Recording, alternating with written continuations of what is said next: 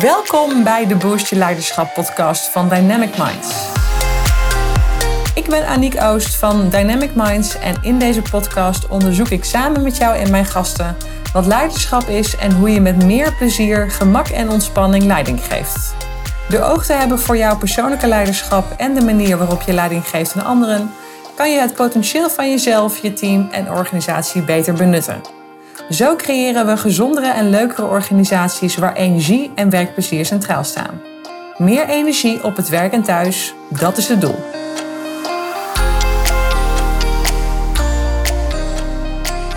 Ik ga in gesprek met Loes Heijmans. Loes is spreker en auteur en ze was 20 jaar toen ze gediagnosticeerd werd met diabetes type 1. En diabetes type 1 is een ziekte die heel veel voorkomt in Nederland. En betekent dat je vaak veel structuur en regelmaat nodig hebt in je leven.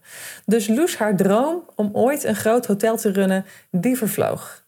Ze besloot wel om haar ziekte in te zetten voor iets positiefs. En ze is de gesprekspartner van fabrikanten van medicatie voor diabetici. En ze gaat ook in gesprek met zorgverleners en patiënten. En doordat ze die verschillende gesprekken voert met al die verschillende groepen, ziet ze heel goed welke verschillen en overeenkomsten er zijn in de behoeften bijvoorbeeld en ook hoe de onderlinge communicatie verloopt. En hoe de zoektocht naar oplossingen ook aangepakt wordt. En dat is iets waar we ook in het bedrijfsleven veel van kunnen leren. Met al die verschillende groepen, verschillende wensen, verschillende communicatielijnen, zijn er eigenlijk heel veel mooie parallellen te trekken. Die gaan we in deze podcast onderzoeken, zodat jij er je voordeel mee kan doen. Loes, superleuk dat je er bent. Ja, um, leuk om er te zijn. ja, superleuk, want wij kennen elkaar uh, via een mastermind waar we samen in zitten. En um, misschien is het goed om even te beginnen om uh, de luisteraars iets meer te vertellen over wie jij bent. En um, wat voor rol diabetes in jouw leven speelt en wat diabetes eigenlijk is. Want ik kan me voorstellen dat lang niet iedereen evenveel ervaring heeft met diabetes. Dat kan ik me ook voorstellen, inderdaad. Nou, um, mijn naam is Loes Heijmans en uh, ik heb diabetes type 1. Dat kreeg ik toen ik 20 jaar was. Um, en uh, om even bij het begin te beginnen, om uh, uit te leggen wat diabetes is. Want veel mensen kennen het wel, maar weten niet precies, oh ja, er is toch een verschil in type 1 en 2. Ja, er is diabetes type 1, dat heb ik. En dat houdt in dat mijn alveesklier geen insuline meer aanmaakt en dat ook nooit meer gaat doen. Dus daarvoor moet ik iedere dag zelf uh, insuline toedienen en uh, mijn bloedsuiker meten om te weten uh, ja, wat mijn waarde is en hoeveel insuline ik ook nodig heb. En je hebt diabetes type 2. Um, ehm, dat is beter bekend ook als uh, ouderdomsdiabetes. Suiker, zoals, het vaak, uh, zoals je het vaak hoort. Uh, komt ook vaker voor bij mensen met overgewicht. Dat is niet altijd zo hoor, maar als we het even over één kam scheren. en bij die mensen um, heeft de alvleesklier een verminderde werking. Dus die maken nog wel insuline aan, maar zijn nou minder gevoelig voor. En dat valt in sommige gevallen ook op te lossen met een, uh, een verandering of een aanpassing in leefstijl. Uh, dus als je um, ja, gezond gaat eten en sport en, gewicht verliest, dan kan die alvleesklier weer gevoeliger worden en zou je dus zonder medicatie kunnen. Vaak lossen mensen met type 2 diabetes het op door tabletten te slikken en kunnen zij zo um, ja, gewoon goed leven. Dus, dus dat zijn eigenlijk uh, uh, de grootste verschillen. En dan heb je um, in Nederland zijn er zo'n 1,2 miljoen mensen inmiddels, geloof ik, met diabetes, waarvan zo'n 10% uh, type 1 heeft. Dus de variant die ik heb. Ja. En ja, wat dat voor mij in het dagelijks leven inhoudt, is um, dat ik altijd aan het rekenen ben en aan het vooruitdenken en aan het uh, incalculeren wat ik ga doen en welke invloed dat heeft op mijn uh, bloedsuiker. Want wat veel mensen wel weten is dat uh, hè, bijvoorbeeld eten um, invloed heeft op je, op je bloedglucose. Um, dus ik, ik, ik mag in principe wel alles eten hoor, want ik kan daar gewoon insuline voor toedienen. Alleen ja, je zult me gewoon niet heel snel uh, een zak snoep zien leeg eten. Uh, tenzij ik een hele lage bloedsuiker heb en dat noodzakelijk is. Maar um, dus ik hou wel rekening met mijn voeding. Uh, qua koolhydraten is dat dan en qua vetten, omdat dat allebei best wel veel invloed heeft op, op de bloedglucose. Um, en ik ben, ja, wat ik al zeg, eten heeft dus invloed op je bloedglucose. Maar daarnaast zijn er nog er zijn volgens mij 42 factoren die invloed hebben op je bloedglucose. Dus dat is eten, maar dat is ook bewegen en dat is um, uh, het weer. Als de zon schijnt, dan wordt mijn insuline beter opgenomen. Uh, dat is ook stress. Um, als ik een spannende gesprek of afspraak heb, dan zie ik ook vaak een piek in mijn bloedglucose, omdat ja, dat, dat er ook invloed op heeft. Dus zo ben ik de hele dag door aan het denken van oké, wat ga ik doen? Ik heb nu geluncht. Ga ik over een uurtje wandelen of ga ik achter mijn kantoor, uh, achter mijn bureau zitten? Ja, uh, ja en, en ja, dat is uh, een ongoing process, zeg maar, uh, de hele dag door. Ja, het is eigenlijk een dagtaak op zich, hè? Ja, ja, dat, is, ja dat kun je wel zo zeggen. Dat, dat is, het is echt wel veel, veel nadenken. En er zijn gelukkig wel steeds meer um, hè, de techniek staat niet stil. Dus toch, uh, ik draag een insulinepomp en ik heb een, um, een continu glucosesensor op mijn lijf zitten, die dus continu mijn bloedglucose meet. En um, bij mij is dat nog niet het geval, maar er zijn ook al insulinepompen die lezen dan die glucosesensor af, waardoor de insuline ook alweer wat uh, automatischer wordt toegediend. Dus de techniek staat niet stil, dus dat is heel erg fijn. Um, dat, daar, um, ja, dat je daar wel een stukje in wordt uh, ontlast. Ja. Ja. En um, ja, ik heb uh, dus sinds 2004 uh, diabetes. En in 2015 schreef ik daar, of kwam mijn eerste boek uit. wat beschrijft hoe het echt is om 24 uur per dag met diabetes te leven. Uh, in 2018 schreef ik een tweede boek daarover, uh, waarin ik beschrijf hoe het is om zwanger te zijn met diabetes en een uh, kind te krijgen. Dus het was ook weer een compleet nieuw diabetes hoofdstuk voor mij. En ja, sinds die tijd geef ik ook veel lezingen. ik maak diabetes TV voor het Diabetesfonds en ik host de Diabetes Podcast. Dus ja, eigenlijk is het in de loop der jaren alleen maar meer diabetes geworden wat de klok slaat. En ja, is het is het nu ook echt, uh, heb ik er echt mijn werk van gemaakt. Ja, gaaf en ook zo nodig. Hè? Want heel veel mensen die uh, misschien niet te maken hebben met diabetes, die weten eigenlijk niet hoeveel impact het wellicht kan hebben op uh, mensen hun leven en hoe het eigenlijk overal in terugkomt.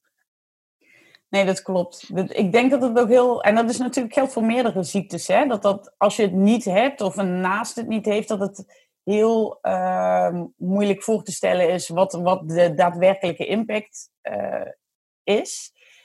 Dat, dat zou ook niet goed zijn, misschien als iedereen dat van iedere ziekte maar uh, met zich mee moet dragen, die kennis. Maar ja, er zijn natuurlijk wel bepaalde mensen die bijvoorbeeld in het, in het werkveld met diabetes bezig zijn, ehm, waar dat bewustzijn ook nog niet zo groot is. En dat is wel uh, in de loop der jaren zeg maar, mijn missie geworden om juist voor die mensen uh, meer bewustzijn uh, te creëren rondom diabetes type 1, zodat ja, ook op die manier de, gewoon eigenlijk de zorg verbeterd kan worden, om het uh, om even heel kort door de bocht te zeggen. Ja, ja, en, en doordat jij natuurlijk met al die verschillende partijen contact hebt, hè, met de patiënten, met de zorgverleners, met de fabrikanten die de medicatie maken, krijg je eigenlijk een kijkje in de keuken bij al die verschillende groepen. Mm um, en ik ben heel benieuwd wat jij dan ervaart als het gaat over. Um, zien al die verschillende groepen dezelfde kansen en mogelijkheden? Um, hoe gaat die communicatie eigenlijk onderling? Is die afstemming goed of zit er ook een bepaald gat tussen? Ja, ik denk dat je um, zowel aan de zorgverlenerskant als aan de patiëntenkant, zeg maar, heb je denk eigenlijk twee verschillende groepen. Want je hebt de mensen die echt um, heel, zowel zorgverleners als patiënten heel intensief met hun diabetes bezig zijn. Hè, zorgverleners die zich ook continu bijscholen, de nieuwste ontwikkelingen volgen, uh, vooraan staan als er weer een nieuwe pomp op de markt komt. Uh, echt in gesprek gaan met een patiënt van, goh, wat is, wat is nu het beste voor jou en waar kunnen we nog verbetering uh, behalen? Um, maar er is ook een groep uh, patiënten en zorgverleners die ja, een beetje bij het oude blijven. Misschien hè, als patiënt wel tevreden zijn hoe het nu gaat. ehm, en, en wat minder inspelen op, op de kansen die er liggen. En ik denk ook wel zorgverleners die misschien juist al die nieuwe technieken die er zijn, hè, dat dadelijk een apparaatje steeds meer overneemt van de zorg die zij eh, eh, twintig jaar geleden nog boden. Ja. Ja, dat misschien wel als een bedreiging zien, zeg maar. Dus, dus daar zie ik wel twee, eh, ja, twee verschillende stromingen in, zeg maar. Ja. En wat is de impact ervan op het moment dat we wel echt met elkaar in gesprek gaan, wel kijken naar de mogelijkheden voor ontwikkeling, voor betere afstemming, versus die kant waarin we het misschien ehm, minder belangrijk maken of het überhaupt niet eens willen onderzoeken? Ja, dat is, dat is natuurlijk enorm. Want ehm, er is bijvoorbeeld ook een, een grote groep patiënten die, ehm, die lopen eigenlijk voor op de techniek die er officieel is. Ik ga dit proberen een beetje eh, eh, makkelijk uit te leggen. Maar ehm, wat ik net beschreef, hè, ik heb dus een insulinepomp en ik heb een glucosesensor, die communiceren niet met elkaar. Dus dat, daar moet ik nog tussen zitten om eh, die ge- gegevens uit te lezen en daar de juiste actie op te ondernemen. Maar ehm, daar zijn, er is een groep patiënten en die, die eh, opereren zeg maar onder de hashtag We Are Not Waiting. Eh, en die, eh, de- er zijn dus van die techneuten die hebben zelf apps ontwikkeld om tussen die twee apparaten in te bouwen en ervoor te zorgen dat die apparaten dus wel gaan communiceren. Ja, Dus die nu buiten de, de officiële zorg om eh, een super geavanceerde techniek hebben om eh, hun diabetes te reguleren. En ehm, dus, dus dat is echt een, een groep patiënten die voorop loopt. En dan zie je dus dat er ehm, zorgverleners zijn die daar volledig hun handen van aftrekken omdat zo'n app is bijvoorbeeld niet officieel goedgekeurd. Dus stel je voor, wat kan er gebeuren als, eh, als daar een keer een, een datafout in zit? Of hè, dan, eh, nou, dan willen wij daar niet verantwoordelijk voor zijn. Of dat, dat, eh, dat moet je niet gebruiken, want het is nog allemaal toekomstmuziek. Dus, dus dat. En je ziet een, een groep zorgverleners die dat echt omarmen en hun patiënten aansporen en ondersteunen ook om de juiste apparatuur daarbij eh, te kunnen gebruiken die ze nodig hebben. En eh, gewoon samen met een patiënt zien wat dat doet voor, ehm, ja, voor, de, voor de gezondheid en het welzijn van die patiënt. Dat dat gewoon echt enorm verbetert als deze techniek gebruikt kan worden. Dus ja, dat, dat is natuurlijk. eh, ja, als je zo je, je patiënt wel kan ondersteunen met iets wat je officieel vanuit hogerhand bijvoorbeeld nog niet kan aan, eh, of ja, waar je je patiënt nog niet op kan zetten qua medicatie, qua therapie.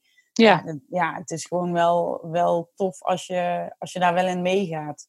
Je omschrijft ehm, hoe eigenlijk al die verschillende groepen. ehm, eh, iedereen heeft zijn eigen idee. Iedereen eh, heeft een manier waarop hij er tegenaan kijkt. Eh, maar ik mis eigenlijk de afstemming eh, onderling. En dat is iets wat ik ook heel vaak in het bedrijfsleven zie. Soms eh, tussen groepen in een team of teams op een afdeling waar niet echt een afstemming is. Ehm, soms in verschillende lagen van de organisatie. Dus echt vanuit het managementteam bijvoorbeeld richting naar een team, richting een team op de werkvloer. Ehm, ik zie daar heel vaak dat we niet met elkaar op één lijn zitten. En dat dat echt ten koste gaat van efficiëntie, oplossingen, resultaten, impact, energie, dat soort dingen. En ik ben heel benieuwd, want jij ziet dat eh, jij ziet ook heel veel dingen gebeuren. Ook dingen waar de afstemming niet echt helemaal 100% lekker loopt. Wat zie jij gebeuren? Wat is de impact daarvan, van het gebrek aan die afstemming ehm, en hoe het nu wordt aangevlogen? Ja, wat, ik, wat ik zie gebeuren is dat er te weinig het gesprek wordt aangegaan. Zeg maar. Diabetes is een eh, ziekte die heel erg draait om cijfertjes. Hè, je, je meet eh, tien keer per dag eh, je bloedglucose. Of ik zie dat dan op mijn sensor. Nou, die check ik vaker dan, eh, dan mijn telefoon. Dus hè, ieder eh, eh, moment van de dag zie ik eh, mijn waarden. En daar verbind ik conclusies aan. En dan moet ik koolhydraten tellen. En, hè, dus het gaat heel erg om cijfertjes. Ook als je bij je zorgverlener komt. Eh, wat was je gemiddelde waarde de afgelopen drie maanden? Eh, waar zit je nu op? Eh, zit je veel te hoog, veel te laag? Terwijl ehm, er wordt veel te weinig gevraagd. eh, goh, hoe gaat het nu met je? Weet je wel, laten we die cijfers dus gewoon allemaal eh, aan de kant uh, gooien. En misschien hè, als je dan aan het bedrijfsleven uh, doortrekt, laten we die targets dus heel even opzij schuiven. Ja. En, en laten we gewoon eens met elkaar in gesprek van gaan van, goh, hoe, hoe gaat het nu met je? En, en wat ervaar je? En hoe kom je zo'n dag door? waar loop je tegenaan? En um, ja, check, check gewoon eens wat vaker in. Ik hoorde laatst um, in een podcast uh, een, een, baas van een groot bedrijf uh, uh, vertellen. Die werkt nu ook thuis, net zoals al zijn werknemers. En hij zegt: Ik bel nu iedere dag een half uur met een aantal medewerkers. Ja. Um, en dat zijn medewerkers van mijn, van mijn managementteam tot aan de koffiejuffrouw, zeg maar. Uh, mensen die ik normaal gesproken op weg naar de koffieautomaat een knikje gaf, uh, maar nooit meer in gesprek ging, die bel ik nu. En ja. daar praat ik een half uur mee. En dan vraag ik hoe het gaat. En, en, en dan vertel ik ook hoe het met mij gaat. En ja, zeg, daar, daar haal je zoveel waardevolle informatie uit. En dat herken ik ook heel erg vanuit uh, de zorg. Ik heb daar in, in mijn tweede boek ook een een, een, stukje over geschreven. Want toen, ik was natuurlijk uh, onder strenge controle in het ziekenhuis als je uh, zwanger bent met diabetes. En ik, dan zie je de internist en de diabetesverpleegkundige en de gynaecoloog. En die, moeten allemaal iets vinden. Um, en als ik dan bijvoorbeeld bij de gynaecoloog op bezoek was geweest, dan nou, ging ze eerst kijken hoe het met het kindje was. En dan gingen ze daarna alles invoeren in, in het systeem. En dan stelde zij ook altijd de vraag van, ja, hoe gaat het met je, met je bloedglucosewaardes? Ik weet nog in het begin dat ik dat een beetje vreemd vond, want ik dacht, ja, daarvoor ben ik toch bij mijn diabetesverpleegkundige. Maar goed, ja. dan ging ik, ging ik heel braaf vertellen, ja, ik zit uh, soms wel een beetje hoog. En dan, en dan schoot ze helemaal in de stress, ja, met te hoog en dat is gevaarlijk voor het kindje. En daar moet je wel echt op letten. En en dan was ik, als ik daar naar buiten liep, was ik echt zo verdrietig gewoon weer. Want dan dacht ik, oh, okay, ik doe zo mijn best, maar ik heb het blijkbaar weer niet goed gedaan. Maar na een paar van die afspraken realiseerde ik mij dus dat zij gewoon volgens protocol in haar systeem moest, een cijfertje moest invoeren. Want ja, ja hè, ik kwam er op controle en bij een controleafspraak hoorde namelijk eh, een aantal cijfertjes en dit was daar één van. En uh, toen ik dat door had, na een paar keer, antwoordde ik gewoon wat zij wilde horen. Want dan was zij blij en dan was ik blij. En dan spraken we er verder niet meer over. Maar zij las dit dus in mijn boek. Uh, en um, toen was ik zwanger van mijn tweede kindje. En toen kwam ik weer bij haar op controle. En toen, uh, ze heeft echt die hele tweede zwangerschap geen enkele keer meer naar mijn waardes gevraagd. En, maar ze vroeg nu gewoon, hoe gaat het met je? Ja. En dat was zo'n wereld van verschil. En ik denk dat we daar zo snel aan voorbij gaan. Gewoon ook in het zakenleven.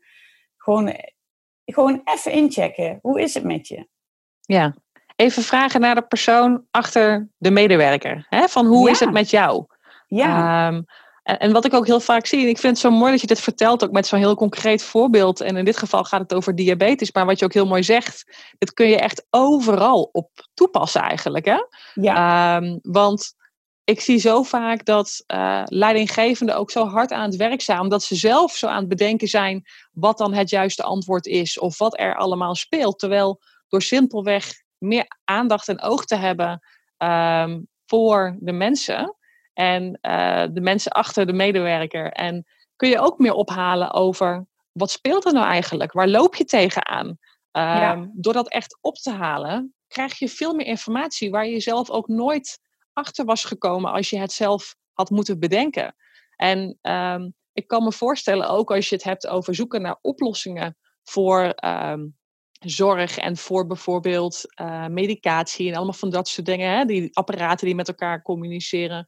Uh, misschien kom je wel op veel meer oplossingen, op veel meer mogelijkheden, door simpelweg dus dat gesprek aan te gaan en te horen wat er nou echt gebeurt bij de mensen die bepaalde producten moeten gebruiken.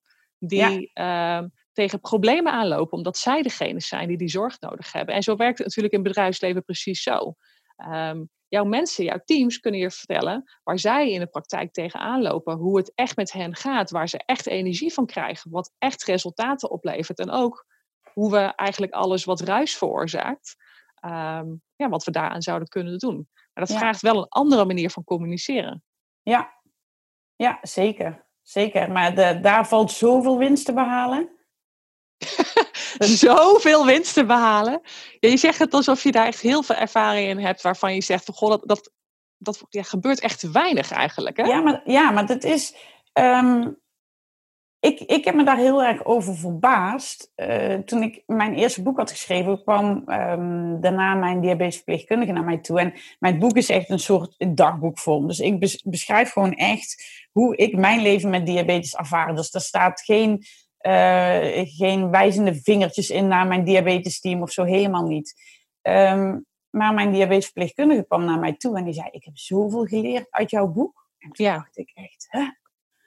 Hoe dan? Weet je? En hij zegt, ja, maar gewoon tussen de regels door. Hoe de communicatie met patiënten anders kan, weet je wel. En, en toen dacht ik, echt, ja, maar je bedenkt ook zelf wel om eh, gewoon eens aan iemand te vragen hoe het gaat. Ja, Ja, nee, niet dus. En hij zegt ook heel eerlijk, hij zegt, ja, maar wij worden opgeleid om eh, die cijfers te beoordelen. Hè? Je, je komt op een controle, daarvoor heb je bloed geprikt, daar komen allemaal cijfertjes uit. Eh, staan die in het rood, nou, dan moeten we daar iets mee. Dan gaan we de instellingen van de pomp eh, eh, veranderen. Of weet je, allemaal heel praktisch. Ehm, maar ja, weet je, als je gewoon aan mij vraagt van, goh, eh, hoe ziet nou een week voor jou eruit? En als ik hier die pieken in jouw eh, bloedglucose zie, eh, hoe komt dat dan? Is dat, kun je daar een oorzaak voor geven? Wat, wat, wat is er deze week gebeurd waardoor jij tien hypo's hebt gehad? Weet je, als je dat gesprek aangaat, in Ja. plaats van te zeggen, oh wacht, ik zie dat een hypo is dus een lage bloedglucose. Ik zie dat je tien hypo's hebt gehad. We moeten iets aan je pompinstellingen gaan doen. Nee, je moet, je moet eerst weten waardoor dat is ontstaan. Ja, Dus je moet eerst dat gesprek met me aangaan. En ja, ik dacht dat dat iets vanzelfsprekend was, maar dat blijkt dus in de zorg en ik denk dus ook in het bedrijfsleven eh, niet zo te zijn. Want, want ehm, ja, hoe, vaak, weet je, ik word dan qua diabetes gestuurd op mijn cijfers, maar hoe vaak word je als medewerker niet gewoon alleen maar gestuurd op die target? Toch? ja, heel vaak eh, zijn dat natuurlijk de KPI's waar we op sturen, omdat die gewoon zo lekker tastbaar zijn. Ja, Ehm, en heel vaak hebben we ook wel eh, een, een soort vanzelfde doel, ook niet trouwens altijd, in, eh, voor ogen. Alleen vanuit verschillende invalshoeken kun je daar natuurlijk naar kijken. Ik zet wel eens een, een Rubik's kubus op tafel. Ken je dat? Een Rubik's Ja. kubus? ja. En dan vraag ik mensen om vanuit hun invalshoek te kijken naar die kubus. En te vertellen Ja. wat ze zien. En we zien allebei die kubus. Alleen afhankelijk nog van of je de vlakken al helemaal in één kleur hebt. Of misschien zelfs wel gekleurd door elkaar hebt zitten. Zal Mhm. iedereen iets anders zien vanuit zijn perspectief. En ehm, pas door het gesprek aan te gaan met elkaar kun je onderzoeken.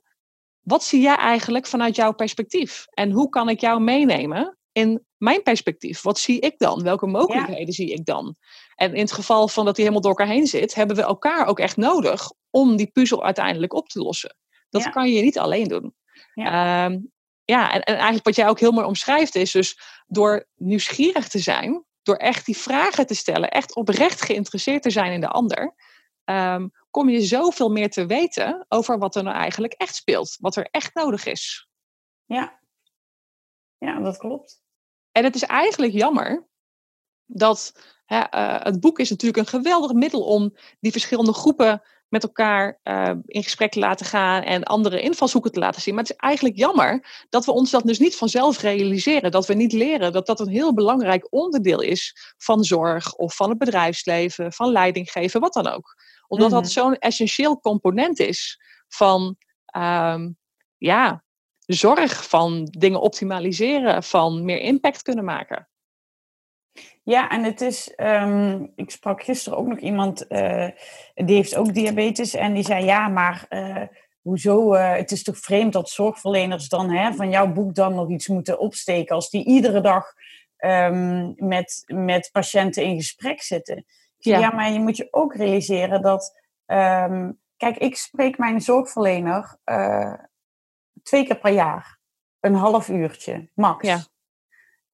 En eh, in dat half uur kan ik echt niet vertellen hoe ik mij dat afgelopen half jaar heb gevoeld, weet je wel, op, op detailniveau. Dat, dat lukt gewoon niet. En dat is ook, als je dat weer kopieert naar het bedrijfsleven, weet je wel, ga in gesprek, maar ik gebruik daar niet alleen een functioneringsgesprek voor, weet je wel. Eh, check gewoon even iedere week uh, bij iemand in. En dan hoef je geen half uur met iemand te gaan zitten. Ja. Je, als, je, als je dat gewoon kort doet, uh, dat, dat is gewoon zoveel waardevoller. Omdat ja, in, in, in dat half uur per half jaar kan die zorgverlener zich echt geen beeld vormen van mij. Dat, dat lukt niet. Dat kan je ook niet van hem verwachten. Ja. ja, of het kan één op één. Je kunt ook in kleine groepjes bijvoorbeeld lunchmeetings hebben, waarin er even tijd is om even iets meer te kijken naar, hé, hey, hoe gaat het?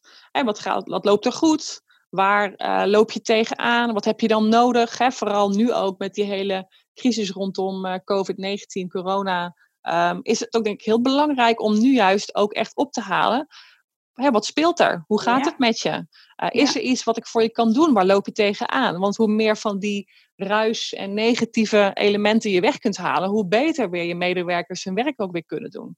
Hoe beter jij bij kunt sturen op medewerkerniveau of teamniveau of afdelingniveau of organisatieniveau om uh, ja, toch beter uh, dat werk door te kunnen laten lopen, omdat je eigenlijk alle afleidingen weghaalt of misschien kunt minimaliseren of wat dan ook. Mm-hmm. Ja. Ja, dus het is super belangrijk dat juist dit soort boeken er ook zijn, omdat het ook weer mensen de gelegenheid geeft om ook die andere kant te zien. Hè, om ook hen die andere invalshoeken te kunnen laten zien. Ja, zeker. Ja. Ja. Als we, uh, want eigenlijk is er dus superveel overlap uh, tussen zowel ja, ervaringen in de zorg uh, als het bedrijfsleven. Eigenlijk is dus die communicatie iets van, van alle plekken. Ehm, welke drie belangrijkste tips zou je mee kunnen geven op basis van jouw ervaringen aan een leidinggevende, aan een team, um, waar ze echt veel aan kunnen hebben? Mm, ja, ik denk dat we hè, net al hebben gezegd van ga dat gesprek aan. Dat je denkt niet dat je weet hoe, hoe je medewerker zich voelt, maar vraag wat er echt speelt. Hè. En, dan, en dan bedoel ik echt niet dat je van iedereen uh, zijn hele privé-situatie hoeft te weten, maar, maar wat speelt er echt op de werkvloer? Dus, dus dat is, um, ja, dat, dat is denk ik gewoon echt super belangrijk. Ja. Um, en uh, een ander belangrijke is, toon ook uh, begrip uh, voor, voor wat er speelt. Ik, um, ik heb een, een voorbeeld daarbij. Uh, dat gaat over. Um, ik heb vorig jaar actie gevoerd voor de vergoeding van die glucosesensoren, waar ik het straks over had. Ja. Dat is dus echt een. Uh, nou, je glucosesensor die zit op je lijf en die zorgt ervoor dat ik niet meer 10 of 12 keer per dag in mijn vinger hoef te prikken. Dus dat is qua techniek echt een, een fantastische ontwikkeling. En in Nederland was die vergoeding heel erg slecht geregeld. Dus ik heb daar vorig jaar actie voor gevoerd. En um, uh, eind december kwam ook een gedeelte van die vergoeding erdoor. Zit nu in, het basis, in de basisverzekering, dus dat was, was echt top. Um, en toen werden we uitgenodigd op het ministerie van Volksgezondheid eind van het jaar, waar um, ook een aantal mensen van het Zorginstituut zaten die dus hier iets van moeten vinden. Hè? Dus het Zorginstituut bepaalt of, of iets in de verzekering komt, die adviseren dat aan de minister, zeg maar, de minister bepaalt. Maar goed, Zorg, Zorginstituut was daar een hele belangrijke in. Ja. En um, dus ik zat daar aan tafel met uh, nou ja, allemaal belangrijke mensen om me heen die uh, op dit gebied moesten beslissen.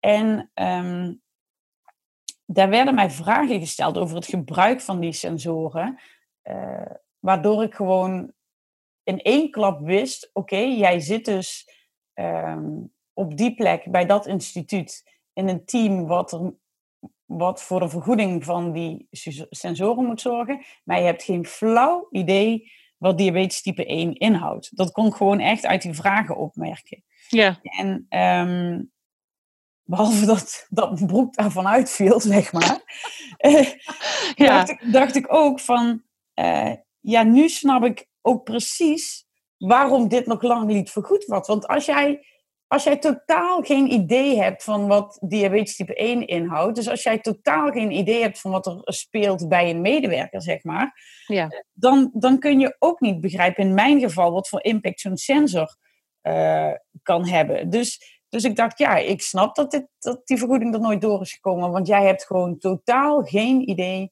wat er speelt. En als je dat even terugbrengt naar de werkvloer. ehm, weet je, bijvoorbeeld als een medewerker graag thuis wil werken. Nou, en nu in, in coronatijdperk is het natuurlijk eh, eh, eh, aan de orde van de dag. Maar stel, hè, als we even een paar maanden terug in de tijd gaan. En je hebt een medewerker die wil graag thuis werken een paar dagen per week. Eh, maar dat is dan eh, voor jou als leidinggevende is dat heel lastig en niet praktisch. En, eh, en, maar je begrijpt niet dat dat bijvoorbeeld afkomt van het feit dat die medewerker een bepaalde angst heeft om auto te rijden. Ik zeg maar even wat, hè. Ja, Dan snap ik dat je daar geen begrip voor hebt als leidinggevende. Maar pas als je weet waar dergelijke vraag vandaan komt, dan kun je samen aan een oplossing werken. ja. Dus ja, dat is, dat is denk ik. ehm, en dat, dat hangt misschien ook wel heel erg samen met dat eerste, van ga het gesprek aan. Maar weet je wel, vraag ook door. Van, van eh, goh, waar komt dat dan vandaan? En ehm, ja, pas bij dat wederzijdse begrip en respect kun je dan denk ik samen tot een oplossing komen.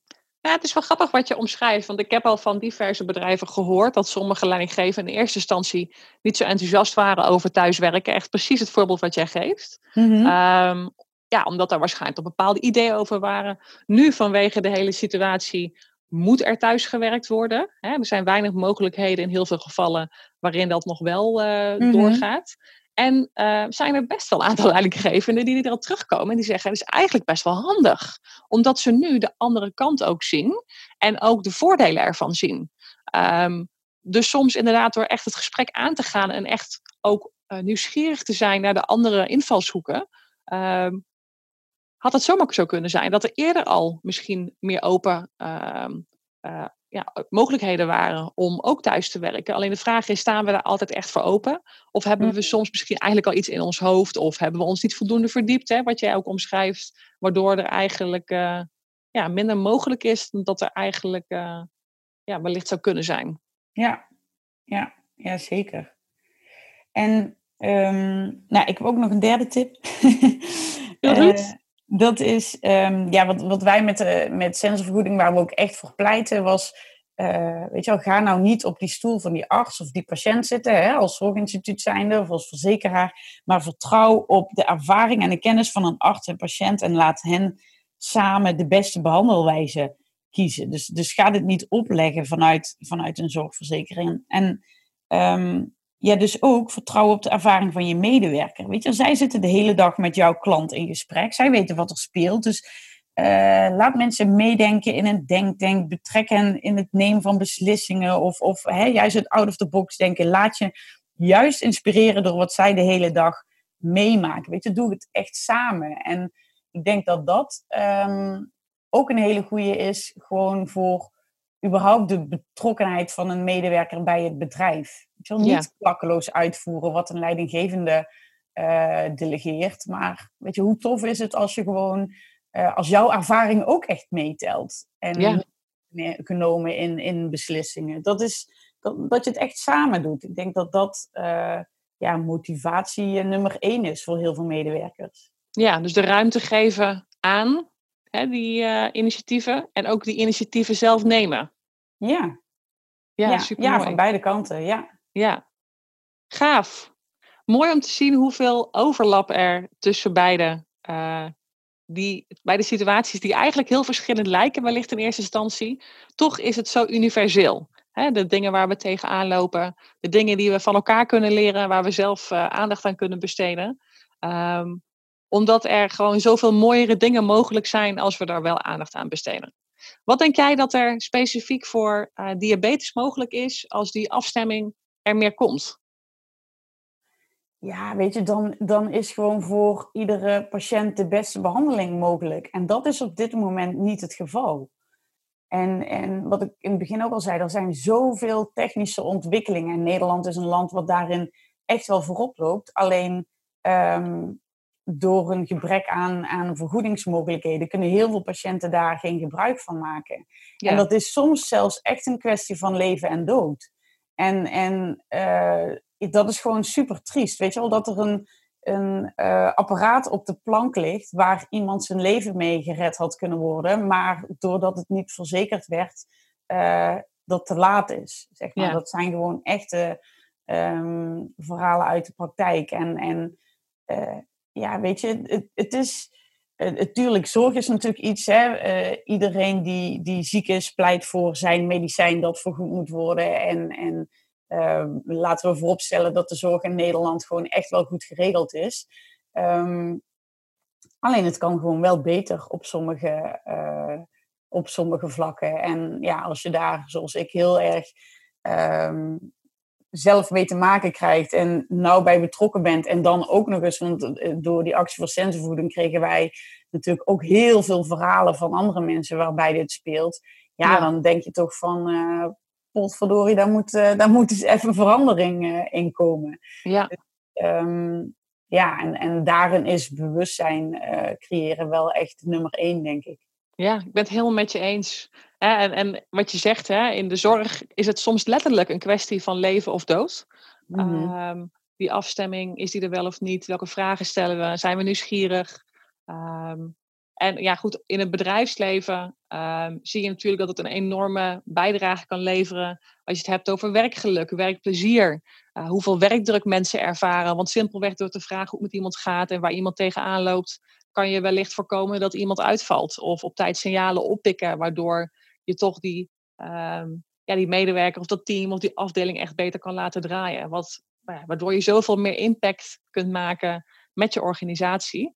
Um, ja, dat is echt uh, goud eigenlijk, hè? Als je dat, uh, als je dat weet te benutten. Ja, en, precies. Uh, en, en wat me dan nu ook nog te binnen schiet, dus weet je, dat er, als je dan, als die vraag gesteld wordt, hè, van hoe het met je gaat, dat er dan ook de ruimte mag zijn om, um, om ook gewoon eraan toe te geven als het ook even niet zo goed gaat, weet je wel? Dat je dan niet de angst hebt van, ja, maar als ik nu ga zeggen dat ik niet lekker in mijn vel zit, dan sta ik volgende maand op straat of zo, weet je wel. Want ja. dat is de, bijvoorbeeld um, wat ik ook weer terug kan leiden naar mijn diabetes. Toen um, ik nog in het bedrijfsleven werkte uh, en vaak bij klanten zat, was ik soms ook wel eens um, bang om te benoemen dat ik diabetes had. En dat was echt niet zo dat dat belangrijk was in het gesprek, maar wel als ik me niet goed voelde. Als ik bijvoorbeeld voelde dat ik een lage bloedsuiker kreeg, maar ik had even zelf uh, niks van suiker bij. Maar dan moest ik daar wel om vragen bij de klant, weet je. En dan dacht ik.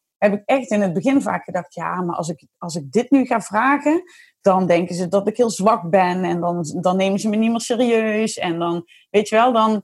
Dat Zo waardevol gewoon, wat je omschrijft, ja. Ja, daar durfde ik dan gewoon echt niet voor uit te komen. Terwijl op het moment dat ik het wel deed, omdat ik anders simpelweg van mijn stoel afkieperde, ja.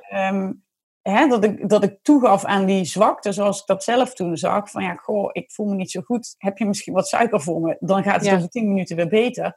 Dan zag je dat gewoon iedereen sprong meteen in de bres van, oh, nou, weet je, mensen willen dat je je goed voelt. Dus dan gaan ze voor je zorgen. Dus, nou, heb je hier genoeg aan? Weet je, ik heb nog suiker, ik heb nog een koekje. Is dat goed? Oké, ben je er weer? Nou, super, weet je. Dan, en dan dacht ik, oh, ze vinden mij eigenlijk helemaal niet zo, uh, zo'n zwakkeling. Het is gewoon, nou, nou zijn we er samen uitgekomen, weet je wel. En ik kan me Ja. en, en, en diegene tegenover me is blij dat hij me heeft kunnen helpen. Dus Ja, ja, dit is zo mooi wat je omschrijft, want dit herken ik echt zo ontzettend op de werkvloer. Er zit echt nog wel een taboe op aangeven hoe het echt met je gaat. Omdat ik merk dat heel veel mensen toch zoiets hebben, ja, wat privé gebeurt, gebeurt privé. Als jij Mhm. niet lekker in je vel zit en het helpt even door het heel even kort te vertellen, wil niet zeggen dat je het daar de hele dag alleen maar over hoeft te hebben. Of dat eh, je morgen omvalt. Simpelweg door er even ruimte aan te geven, Mhm. kunnen mensen je al helpen. En mijn ervaring is dat mensen inderdaad je heel graag willen helpen. Hè, door even een luisterend oor te bieden of misschien letterlijk even hulp te kunnen bieden. Ehm, mensen vinden dat vaak heel fijn. Alleen is het soms eerder onze eigen drempel om ehm, bespreekbaar te maken hoe het met ons gaat of om hulp te vragen. Die maakt dat we ook niet geholpen kunnen worden. ja, ja, klopt. En als we eh, die stap durven nemen, dat vraagt toch een beetje lef om dat wel aan te geven en dat uit te spreken, dan is er echt eh, zoveel mogelijk eigenlijk. Eh, want dan hoef je het namelijk niet alleen te doen. Nee, dat is waar. Ja, ja helemaal mee eens. En eh, dat vind ik heel mooi wat je omschrijft. Van het, het begint ook bij dat jij die stap zet hè, om te vragen hoe het gaat. Of als iemand aangeeft dat het niet gaat, eh, mag dat er dan ook zijn? Mag je dan ook daar even op doorpakken met elkaar? Ehm, ja, dat Ja. is ontzettend, eh, ontzettend belangrijk. Ja. Dus op naar meer goede gesprekken. Oprechte, geïnteresseerde gesprekken. Of het nou Ja. in de zorg is, op de werkvloer, thuis, waar dan ook. Ja, precies. Ik denk dat dit inderdaad voor de hele maatschappij eh, eh, wel goed is. Ja, ja. Mooi, eh, mooi om te horen hoe jij er tegenaan kijkt. En zo echt geweldig om te horen hoe er zoveel overlap in zit. Mochten mensen nou meer over jou willen weten of meer willen weten over wat je zoal als auteur en spreker doet, waar kunnen mensen je dan vinden? Eh, dan kunnen ze naar de website www.loesheimans.nl of op Instagram en Facebook ben ik te vinden eh doe mij maar diabetes. En eh, nou, op LinkedIn ook gewoon onder Loes Heijmans. Kijk, helemaal goed. Dan weten ze je zeker te vinden. Mag ik je bedanken? Ja, nou heel graag gedaan. En ja, ik vond het ook inderdaad erg mooi om te zien, ja, je denkt diabetes. En, en voor mensen in het begin van het, van het gesprek misschien nog van, nou ja, wat, wat heeft dat nou eh, voor eh, link met het bedrijfsleven? Maar eh, ja, zo zie je maar weer dat het, eh, de overeenkomsten toch dichterbij zijn dan, eh, dan je denkt. Ja, absoluut. Dankjewel. Heel graag gedaan.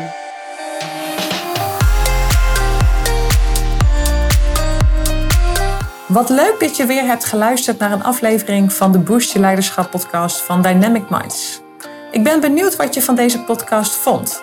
Want het doel van deze podcast is om je te inspireren en te motiveren om aan de slag te gaan met je eigen leiderschap en het leiderschap binnen jouw organisatie.